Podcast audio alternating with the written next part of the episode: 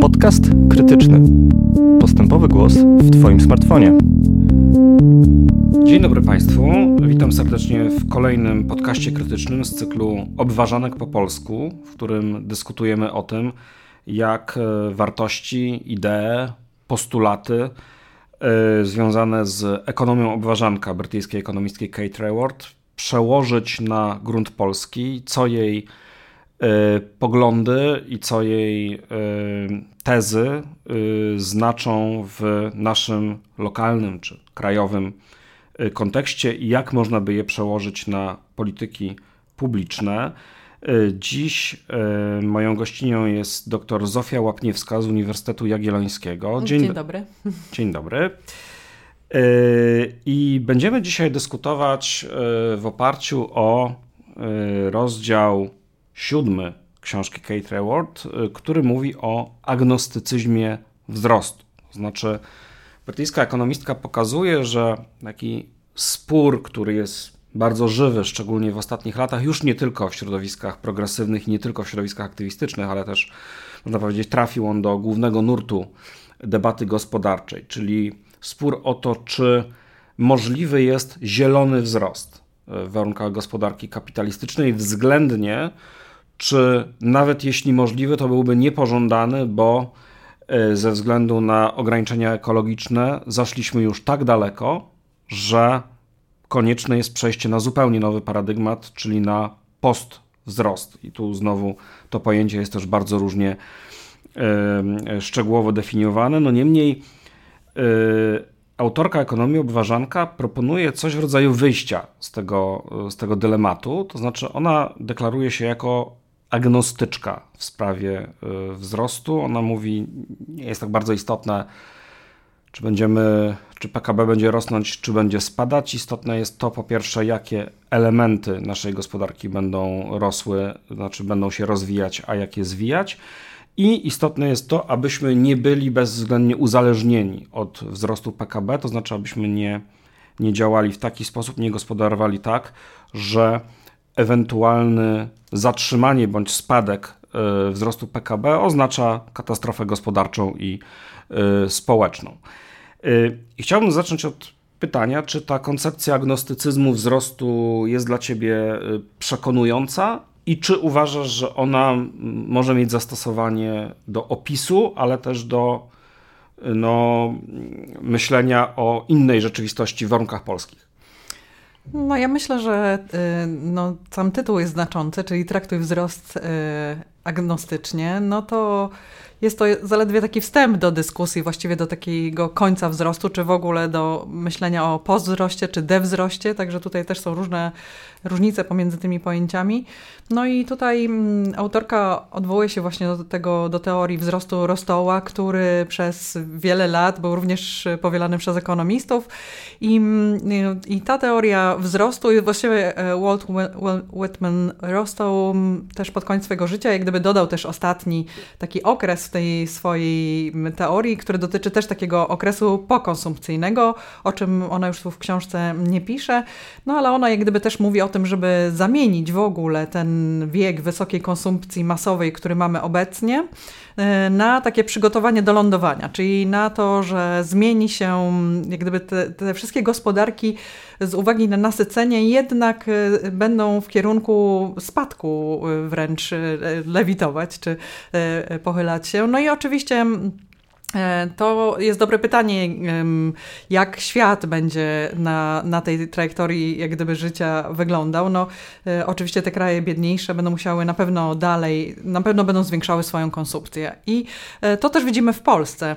Czyli też osoby, które mają, miały niskie dochody, zwiększyły swoje konsumpcje w wyniku różnych programów i które są również planowane w przyszłości, takie jak właśnie Polski Ład, który także bardziej podatkami czy składką zdrowotną obarcza osoby, które są, mają wyższe dochody, a osoby o niższych dochodach będą mogły korzystać z różnych rodzajów ulg. Także tutaj to wyrównanie powoduje, że w pewnym pierwszym okresie ta konsumpcja się zwiększa. I w ostatnich latach, jak patrzymy też na, na tą krzywę, krzywą rozwoju Polski, no to widzimy, że w, no, średnia około wzrostu jest podobna, czy też wzrost gospodarczy dla Polski, który wynosił w ostatnim dziesięcioleciu przed pandemią około 3-6% e, rocznie, ale w ostatnich latach się zwiększył też do tego 2019 roku i ja podejrzewam, że był to wynik właśnie zwiększonej konsumpcji na poziomie podstawowym podstawowym, podstawowych dóbr i to było w wyniku właśnie programu Rodzina 500 Plus czy innych dochodów. I tak samo w kontekście całej planety. Te osoby, które już jak gdyby są nasycone, mają dłuższy czas, wyższe dochody, no to nie kupią sobie piątego obiadu, nie zjedzą, e, jednocześnie też no, ubrań więcej niż jednego garnituru na siebie nie założą, czyli ta konsumpcja dóbr... No, ale mogą trzymać w szafie, e, to akurat... Oczywiście mogą trzymać w szafie. Ale mm, to już zauważył taki z pruski statystyk Ernst Engel w XIX wieku, że do pewnego momentu konsumpcja rośnie wraz e, z, ze wzrostem dochodów, ale w pewnym momencie się zatrzymuje, właśnie ten efekt nasycenia um, dominuje i potem nawet spada.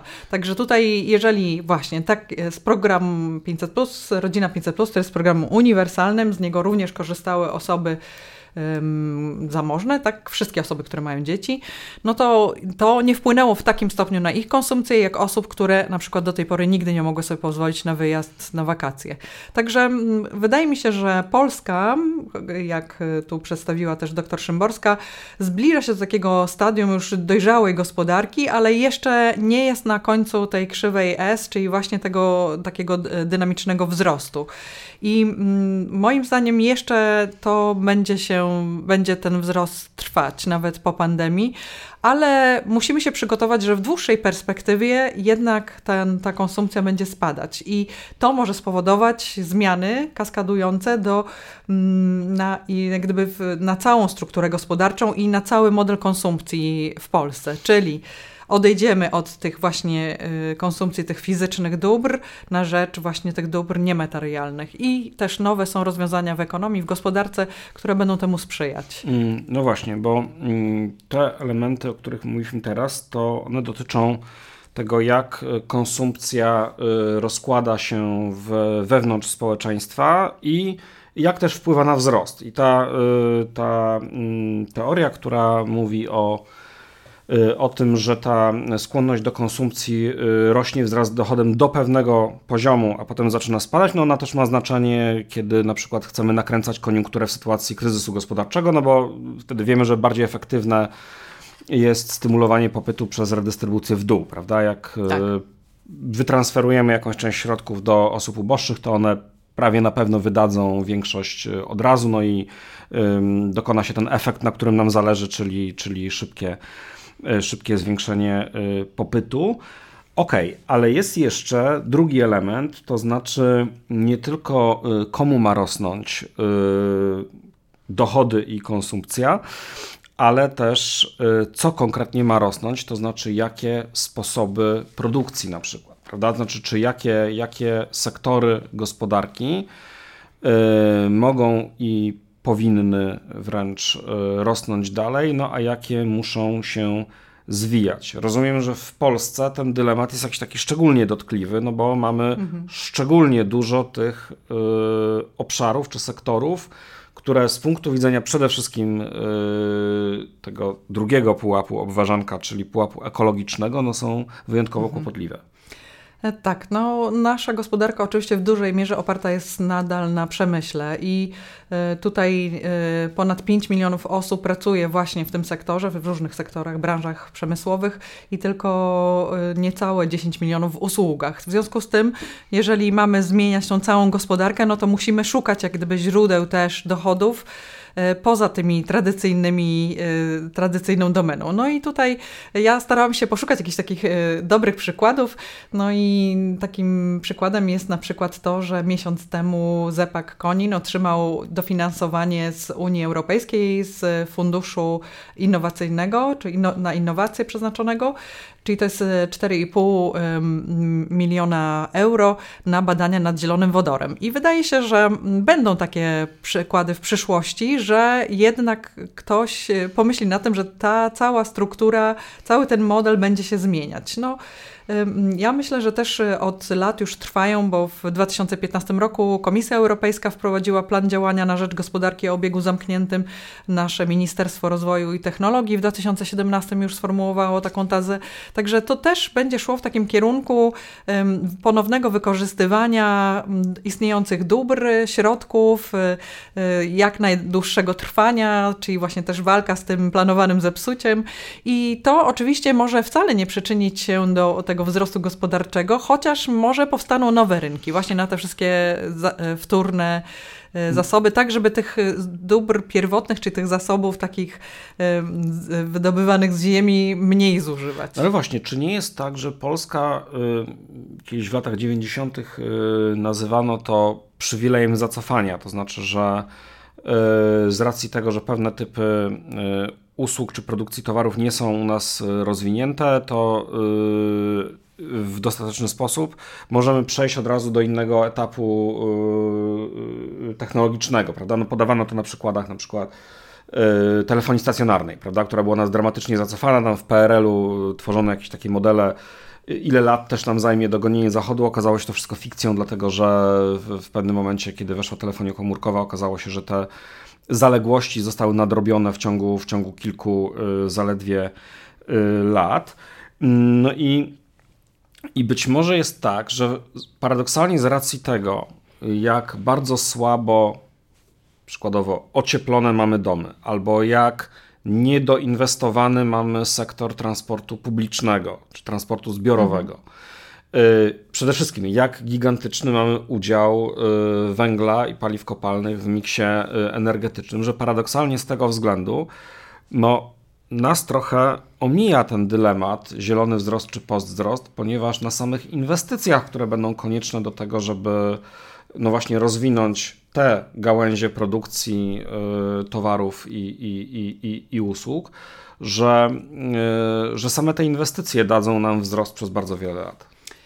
Czyli tutaj oczywiście ja też widzę tutaj ogromne pole do, no też to jest też tak wynika z mojej optymistycznej natury, ale na przykład ta Olga Malinkiewicz ze swoimi peroskwitami też może odnieść ogromny sukces. Rusza fabryka we Wrocławiu, będą masowo y, naklejać wszędzie te ogniwa fotowoltaiczne, te lamele tak zwane i to może, te, one mają 10 razy mniejszy ślad węglowy ich produkcja niż y, ogniw krzemowych. W związku z tym, y, no tutaj jest pewna szansa, tak? I że też no, nie mamy tych elektrowni jądrowych, może właśnie pójdziemy bardziej w te właśnie już smart grids, czyli właśnie w tych y, y, co też udowodniło mm, chociażby w 2019-2020 roku zainteresowanie bardzo wysokie konsumentów e, jednostkowych, tak? czyli właśnie tymi mikroinstalacjami fotowoltaicznymi. Wydaje mi się, że to też jest taki kierunek, że można by to łączyć e, e, z tą jeszcze tradycyjnymi technologiami.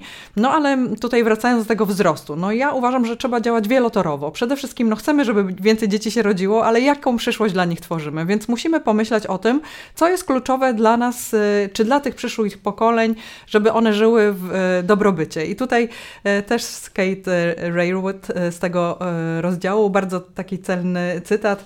Mamy gospodarkę, która musi rosnąć niezależnie od tego, czy dzięki niej dobrze żyjemy, potrzebujemy gospodarki, dzięki której dobrze żyjemy, niezależnie od tego, czy rośnie.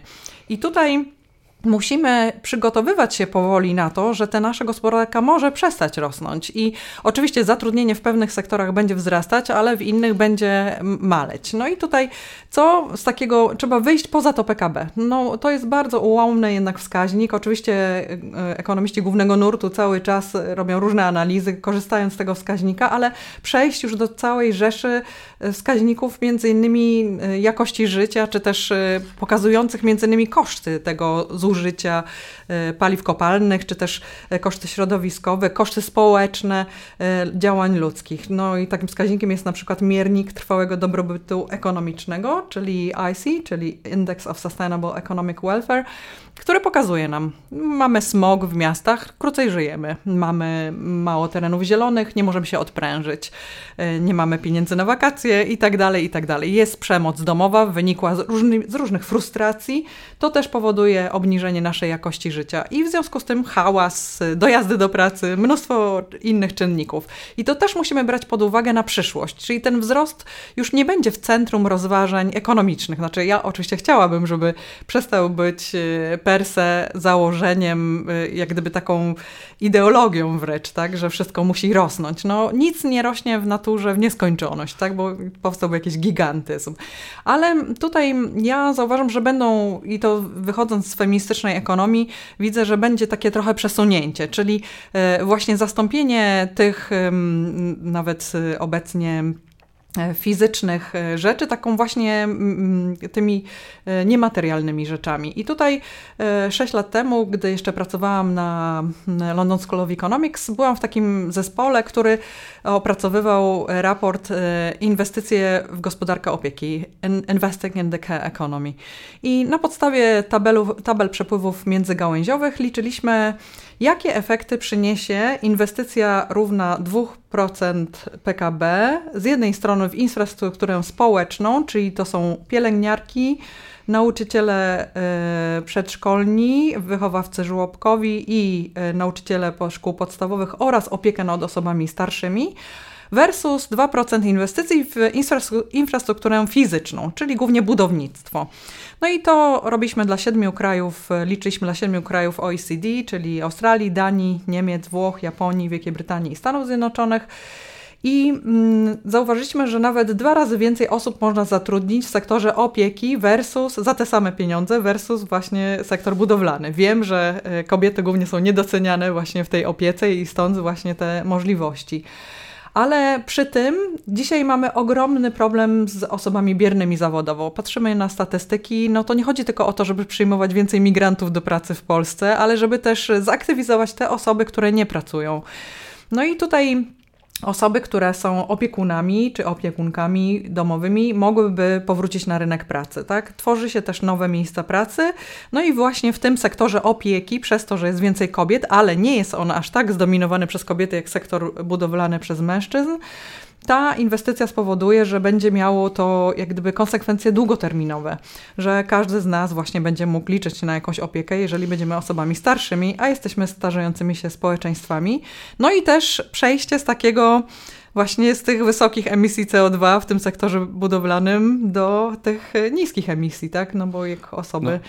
mniej emi wpływamy o, na środowisko. Okej, okay, rozumiem. Sektory mhm opieki, czy powiedzmy szerzej mówiąc, te, te, to wszystko, co się nazywa takim może niezbyt ładnym określeniem reprodukcji społecznej, tak? czyli tak. nie tylko opieki, wychowania, e, e, edukacji również, e, też szeroko rozumianej, nie tylko tej instytucjonalnej, szkolnej. To wszystko są rzeczy niewątpliwie bardzo potrzebne, niewątpliwie niedowartościowane ekonomicznie, bo tak. w tych sektorach zarabia się relatywnie y, mało. Po części dla, kwestią sporną jest, czy dlatego, że są sfeminizowane, czy też zależność jest odwrotna. Y, no niemniej w tych sektorach płace są niewystarczające. Brakuje osób do, znaczy brakuje miejsc pracy. Znaczy widać, przepraszam, brakuje osób do wykonywania tej pracy w tym znaczeniu, że e, obecnie no, mamy wakaty w bardzo wielu e, w bardzo wielu instytucjach, czy to edukacyjnych, czy opiekuńczych. To też wynika z wielu e, też z czynników takich typowych dla Polski, czyli na przykład bycie w pobliżu krajów dużo zamożniejszych, które gotowe są wydawać dużo większe środki prawda, na, na tego typu pracę. No krótko mówiąc, wyjeżdża się, jeśli ma się odpowiednie kompetencje, wyjeżdża się do, do Niemiec czy do e, Skandynawii taką pracę wykonywać. E, I do tego jeszcze e, podkreśliłaś, że to jest z punktu widzenia tego właśnie drugiego, drugiej granicy obważanka, czyli granicy ekologicznej bardzo istotne, bo to są zawody niskoemisyjne. Tak. Wszystko pięknie, tylko ja chciałbym zapytać, skąd w takim razie wziąć środki na to, żeby móc sfinansować wykonywanie pracy niezbędnej społecznie, ale jeśli przekładalnej na wzrost wartości dodanej w gospodarce, to tylko w dłuższym okresie, prawda? Mhm. Natomiast takiej, która nie, no, nie wytwarza wartości takiej na sprzedaż, tak? Nie wytwarza produktów, które można sprzedać i uzyskać z nich y, y, przychód. No krótko mówiąc, czy nie jest tak, że to wszystko będzie możliwe, ale tylko pod warunkiem, że jakaś inna część gospodarki wypracuje bardzo dużą nadwyżkę, tak? No a znowu jak ta gospodarka ma wypracowywać dużą nadwyżkę, to wracamy do problemu y, ekologicznego, tak? Y, bo to może dobrze, że jesteśmy krajem opartym na przemyśle, bo właśnie przemysł produkuje na sprzedaż, tak? I wtedy można potem finansować. A teraz akurat dobry czas, bo e, waluta złotówka słaba, w związku z tym na eksport można produkować. No oczywiście, śmieję się, oczywiście też tutaj, e, e, tak jak powiedziałeś, dużo Polek wyjeżdża, nawet to nazywamy takimi właśnie care drain, że to następuje takie drenowanie tej opieki z krajów o niższych dochodach. No tym bardziej, że Polska akurat faktycznie, w, jeżeli chodzi o statystyki, no to poziom średniego PKB na mieszkańca Polski według stałego kursu dolara odpowiada ponad jednej trzeciej tylko wartości PKB na mieszkańca w pozostałych krajach o wysokim dochodzie. Także tutaj zawsze będą osoby, które będą chętne wyjechać do Niemiec, do Holandii, aby opiekować się innymi osobami. No ale teraz e, wracając do gospodarki rejestrowanej. No dopóki praca, tworzone będą miejsca pracy, to ja myślę, że to ma olbrzymi e, wpływ również na pobieranie podatków. No bo oczywiście takie osoby po pierwsze pracują oficjalnie, czyli y, otrzymują wynagrodzenie i też płacą podatek dochodowy, ubezpieczenia społeczne, no i do tego dodatkowo mają konsumpcję, czyli my mówimy na to, że są efekty bezpośrednie, pośrednie i indukowane tworzenia takiego miejsca pracy. Czyli tych miejsc pracy więcej tworzymy de facto w gospodarce niż, niż z takiej skali 1 do 1, czyli tego, że tylko to jedno miejsce. Ale to rozumiem, to też mhm. zakłada, że ta praca realnie jest wykonywana, tylko nie jest uwzględniana w rachunku ekonomicznym. Tak. Bardzo często jest tak, że po prostu opiekujemy się innymi osobami, tak, robimy to, bo są naszą rodziną, czy jesteśmy z nimi związani, ale nie otrzymujemy za to dochodu, czyli nie wykonujemy nierejestrowaną pracę.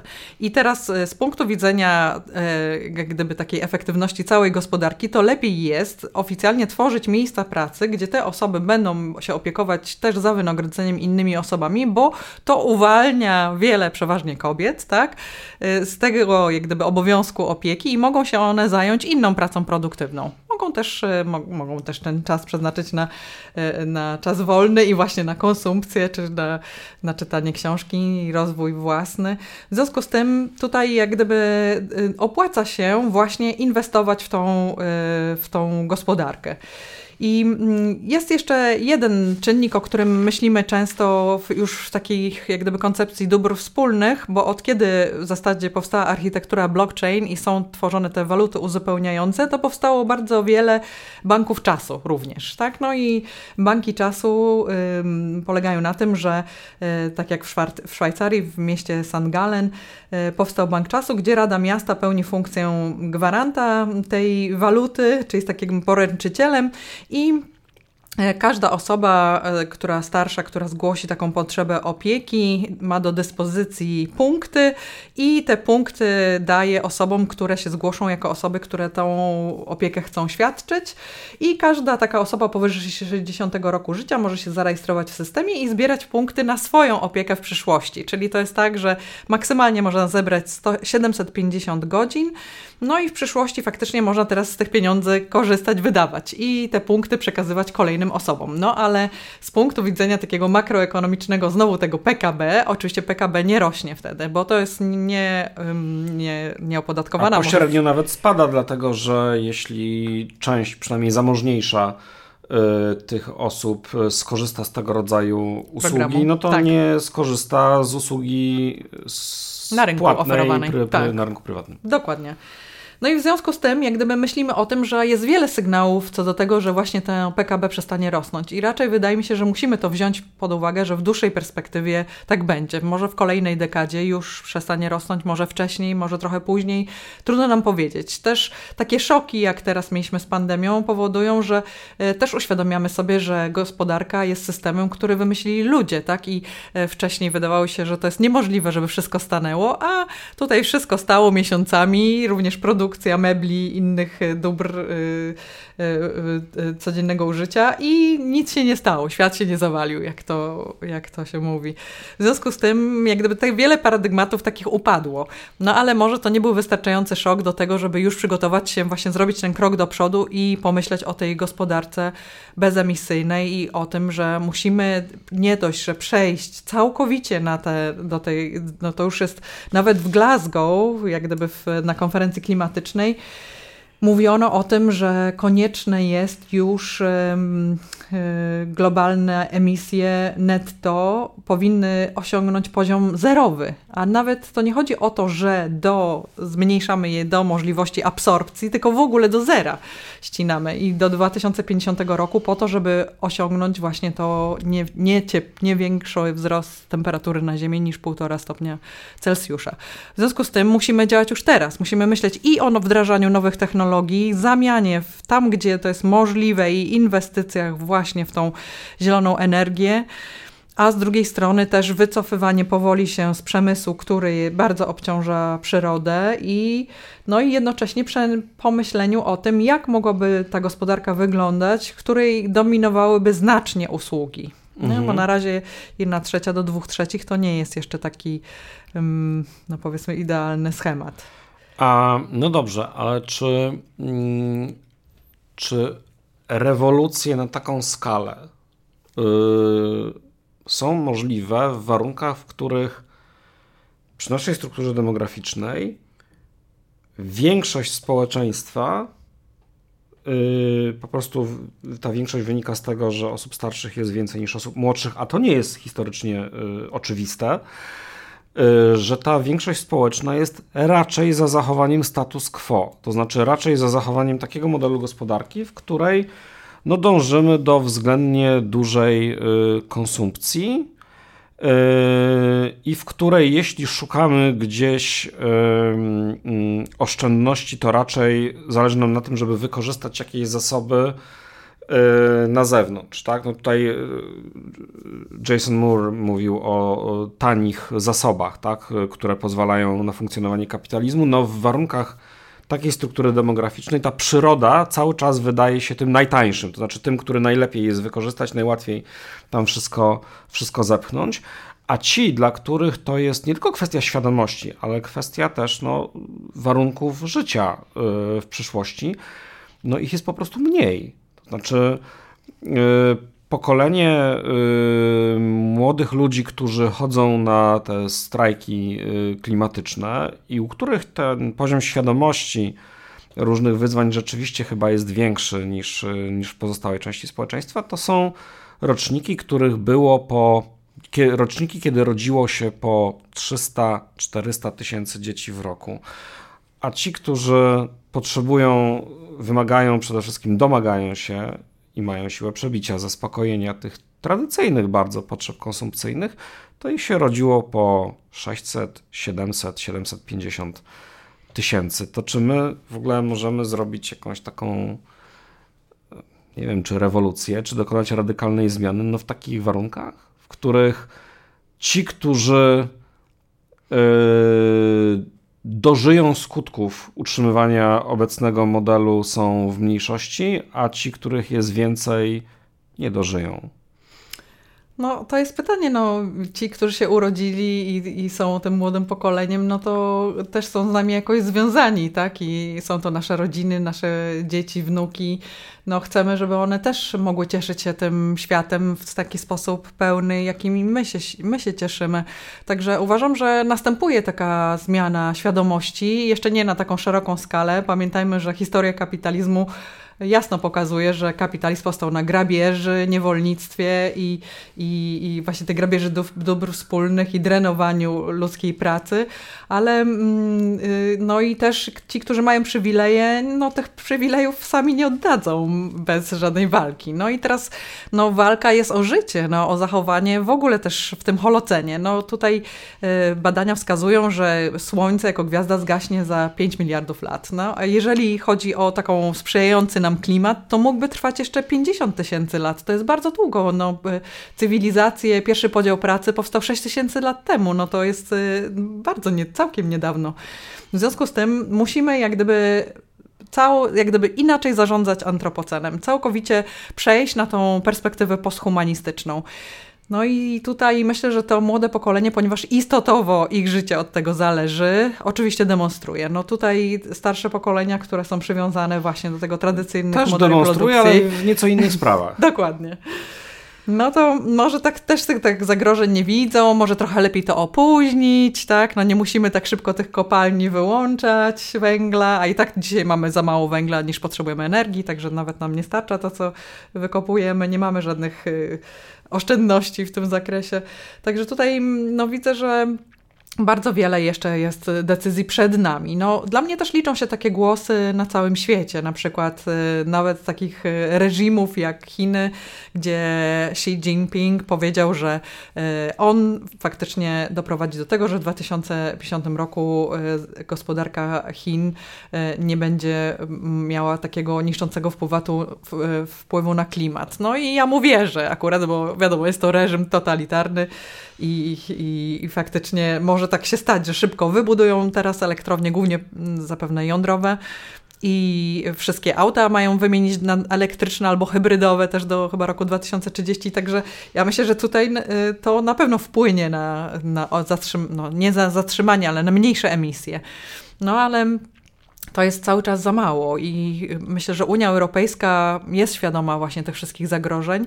W związku z tym no, ten zielony ład, ten właśnie nawoływanie do, tych, do tego obniżenia już nawet do 2030 roku do 55% tych ograniczenia emisji, to jest też jakaś droga, którą musimy przyjąć i tutaj no, nie, musimy działać solidarnie. Czyli to jest też taka wizja astronauty, który patrzy na tą planetę z oddalenia i, i widzi, że po prostu nasz wszystkich dobro. To nie może być tak, że Polska będzie sobie tą kołdrę przeciągać, a, a inne kraje sobie. Musimy działać razem. No i wiadomo, że teraz ta zwiększona konsumpcja na globalnym południu będzie dużym problemem dla, dla reszty świata, ale no już my się nie wzbogacimy i, i prawdopodobnie będziemy musieli właśnie obniżyć znacznie swoją konsumpcję, żeby ten balans zachować. I trochę myślę, że no nie, nie mówię, że tu akurat szczególnie jako Polska, ale jako globalna północ też jesteśmy winni globalnemu południu pewną kompensatę za te wszystkie e, stulecia e, no, nie, nierównej walki czy nierównego rozwoju. Oczywiście pytanie zawsze brzmi, czy jako wspólnota polityczna w Polsce zechcemy się usytuować po tej czy po tamtej stronie. Dotychczas mam wrażenie, że czynimy to obrotowo, w zależności od tego, czego dotyczy dyskusja i, i jaki skutek będą miały dla nas wnioski yy, z tej dyskusji. Krótko mówiąc, na poziomie kulturowo-cywilizacyjnym chcemy się widzieć po stronie tego świata rozwiniętego. Yy, wysoko uprzemysłowionego. Z kolei, gdy mowa o podziale kosztów i wkładu do walki ze zmianą klimatu i, i, i, i skutkami całego kryzysu klimatycznego, no to wówczas y, próbujemy się gdzieś tam spozycjonować jako ci, którzy no, relatywnie mało się do tych y, szkód y, dołożyli i jeszcze nie zdążyli z, z zysków z tego rozwoju odpowiednio skorzystać. Moją gościnią była dr Zofia Łapniewska z Uniwersytetu Jagiellońskiego. Dziękuję bardzo. Dziękuję również. To był kolejny podcast y, z cyklu Obważanek po polsku, który przygotowujemy jako krytyka polityczna wspólnie z Fundacją imienia Heinricha Bella. Y, Ja nazywam się Michał Sutowski i zapraszam Państwa do odsłuchania archiwalnych, a także przyszłych y, podcastów, które znajdą Państwo na stronie www.krytykapolityczna.pl ukośnik podcast, a także na platformach takich jak SoundCloud, Apple Podcast czy Spotify. Dziękuję bardzo, do usłyszenia. Dziękuję.